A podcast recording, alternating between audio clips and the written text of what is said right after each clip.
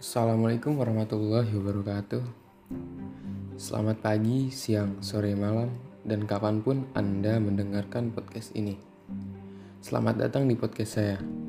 Semoga kita semua diberi rahmat dan hidayah oleh Allah Subhanahu wa Ta'ala, dan selalu ingat untuk bersyukur tiap harinya. Oh iya, sebelumnya perkenalkan, nama saya Hafiz Nuriyat. Saya mahasiswa semester 2 program studi hubungan internasional Universitas Muhammadiyah Yogyakarta. Nah, dalam kesempatan kali ini saya ingin menceritakan mengenai sejarah Turki Utsmani. Mulai dari kemunculannya, masa kejayaannya, keruntuhannya, serta warisan dan pengaruhnya hingga saat ini. Hmm, podcast ini dibuat guna menyelesaikan tugas mata kuliah sejarah politik dunia yang diampu oleh Bapak Faris Alfadat, MA PhD.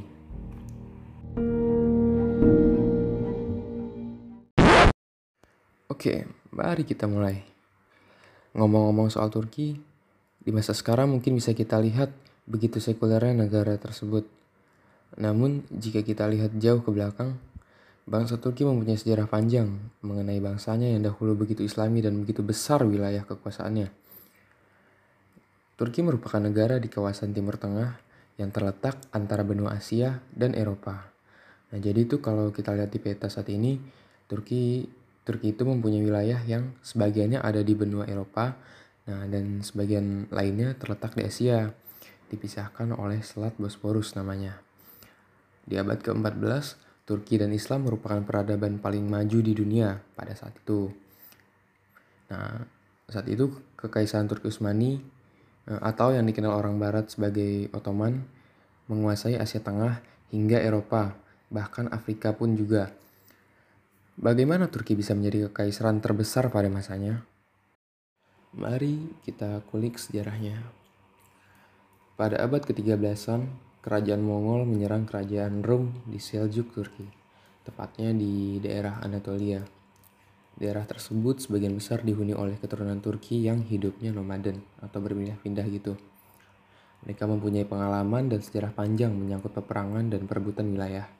Salah satunya keturunan-keturunan Turki tersebut adalah suku Kayi, yang salah satu anggotanya adalah Usman bin Ertuğrul. Pada akhir abad ke-13, bangsa Mongol melakukan penyerangan ke wilayah dinasti Seljuk, menyebabkan terbunuhnya Sultan Seljuk tanpa meninggalkan pewaris tahta. Dalam kekosongan itulah Utsman memerdekakan memerdekakan wilayahnya dan bertahan dari serangan Mongol. Utsman memproklamirkan kemerdekaan wilayahnya dengan nama Turki Utsmani. Pada awalnya, Kesultanan Turki Utsmani hanya memiliki wilayah yang kecil. Namun dengan adanya dukungan militer, tak lama kemudian Utsmani menjadi kerajaan yang sangat besar dan bertahan dalam kurun waktu yang cukup lama. Usman memimpin sampai wafatnya pada tahun 1326 Masehi. Kemudian dilanjutkan oleh anaknya yaitu Orhan I. Nah, saat Orhan I ini memimpin, mulailah Turki Utsmani melakukan ekspansi. Orhan berhasil menaklukkan kota Bursa yang kemudian ia jadikan ibu kota Kesultanan Utsmani, sekaligus menjadi tanda lepasnya Anatolia Barat Laut dari tangan Kekaisaran Bizantium. Setelah keberhasilan Orhan menguasai Bursa, kota-kota Bizantium lainnya jatuh ke tangan Utsmani, seperti Nikea yang berhasil dikuasai sekitar tahun 1331 dan Izmit tahun 1337. Si Orhan ini pula yang membentuk pasukan tentara khusus Utsmani yang terkenal saat itu, yaitu Yeniseri yaitu pasukan yang direkrut dan dilatih sejak usia dini, yaitu 12 tahun. Ketika Orhan wafat pada tahun 1362, ia digantikan putranya, yaitu Murad I. Murad I kemudian memindahkan ibu kota kesultanan dari Bursa ke Edirne pada tahun 1365. Nah, setahun setelah itu, yaitu tahun 1366, Paus di Vatikan menyuruhkan perang salib untuk mengusir Utsmani dari, dari kawasan Balkan. Namun hanya Duke Armadio VI yang menanggapi serangan tersebut yang membawa armadanya menuju Dardanella. Namun pertempuran itu tidak membawa kekalahan bagi Utsmani. Nah, tahun 1389 pecahlah Perang Kosovo yang mengakibatkan gugurnya Murad I. Alhasil, kepemimpinan dilanjutkan oleh anaknya, yaitu Bayezid I. Nah, tahun 1392, saat kepemimpinan Bayezid I, Utsmani hendak melakukan ekspansi lagi ke Serbia. Namun rakyat Kristi, Kristiani, orang-orang Kristen di Serbia itu posisinya lagi terancam, lagi diancam gitu oleh namanya Raja Sigismund, raja dari Hongaria.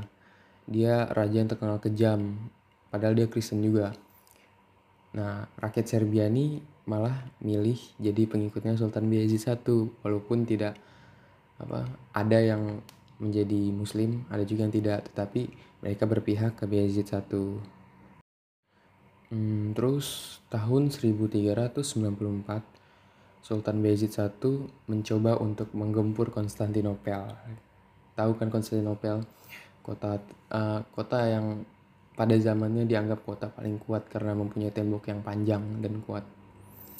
Namun usaha sultan tersebut tidak membuahkan hasil.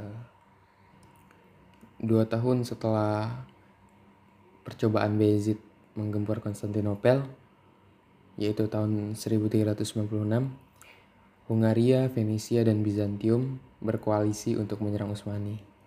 Namun serangan itu masih bisa ditolak oleh Bayezid. Bahkan wilayah Bulgaria berhasil dikuasai Utsmani. Namun pada tahun 1401, Timur Leng dari kerajaan Mongol berhasil menguasai Asia Tengah, khususnya Damaskus, yang kala itu berada di bawah Kesultanan Utsmani. Nah, Bayezid pun yang tadinya dari Konstantinopel langsung berhadapan dengan Timur Leng dan pada akhirnya mengalami kekalahan yang menyebabkan Bayezid ditawan sampai menghembuskan napas terakhirnya pada tahun 1403. Singkat cerita, tahun 1421, Murad II bin Mehmed I naik tahta. Nah, ia merupakan cucu dari Bayezid. Murad II berhasil mengembalikan wilayah-wilayah Utsmani yang lepas pasca kekalahan Bayezid dari Timur Leng. Tahun 1444, hal yang mencengangkan terjadi. Murad II menyerahkan kepemimpinannya kepada putranya yaitu Mehmed II yang kala itu masih berusia 12 tahun. Hal itu disebabkan karena keinginannya untuk mengasingkan diri. Sebab terbunuhnya putra kesayangannya yaitu kakak dari Mehmet ini pada saat operasi militer. Ketika Paus di Roma mendengar berita tersebut, ya dengan asumsi bahwa Mehmet yang belum cukup ber, belum cukup berpengalaman dalam memimpin sebuah pasukan, segera menyuruhkan perang salib. Nah, tentara salib yang dipimpin Vladislav yaitu Raja Hongaria dan John, John Hunyadi penguasa Transilvania bergerak bersama pasukannya menuju Laut Hitam. Tujuannya adalah Varna. Ketika pecah perang di Varna, Murad yang tadinya mengasingkan diri akhirnya turun kembali ke medan perang. Dan akhirnya Usmani pun memenangkan pertempuran tersebut, ditandai dengan tewasnya Vladislav, Raja Hongaria tersebut. Terus hmm, tahun 1451 Sultan Murad II wafat dan tampuk kepemimpinan Utsmani kembali ke tangan putranya yaitu Mehmed II yang pernah memimpin saat usia 12 tahun waktu itu kembali lagi memimpin saat usia 19 tahun. Musuh-musuh Utsmani mungkin berpikir pada saat itu akan lebih, akan lebih mudah menghadapi Utsmani pasca wafatnya Murad II karena kepemimpinan Mehmet II yang masih begitu muda dianggap belum banyak pengalaman. Nah, siapa sangka saat itu bahwa kepemimpinan Mehmet II ini atau yang lebih dikenal Muhammad Al-Fatih inilah yang menjadi puncak kejayaan Utsmani. Kisah penaklukan Konstantinopel olehnya masih menjadi cerita yang seru dan menjadi bahan diskusi, bahkan sampai Kesultanan Utsmani runtuh. Mehmed II berhasil menaklukkan Konstantinopel pada 1453 1453 saat usia 21 tahun. Setelah melalui tujuh minggu pengepungan, Konstantinopel jatuh ke tangan Mehmed II pada Mei 1453. Jatuhnya Konstantinopel sekaligus mengakhiri kekaisaran Bizantium yang perkasa. Ibu kota Utsmani pun segera dipindahkan ke kota itu dan nama Konstantinopel diubah menjadi Istanbul. Singkat cerita, tahun 1517, Sultan Selim I yang merupakan cucu Mehmet II berhasil menaklukkan Kairo dari tangan dinasti Safawi yang beraliran Syiah yang kala itu bersama dinasti Mamluk ingin dianggap besar karena mempertahankan salah satu keturunan Bani Abbasiyah agar bisa mendapat gelar kekhilafahan. Namun, pada akhirnya, Selim I pun menerima jubah khalifah dari keturunan terakhir Abbasiyah, yaitu Muhammad Al-Mutawakil.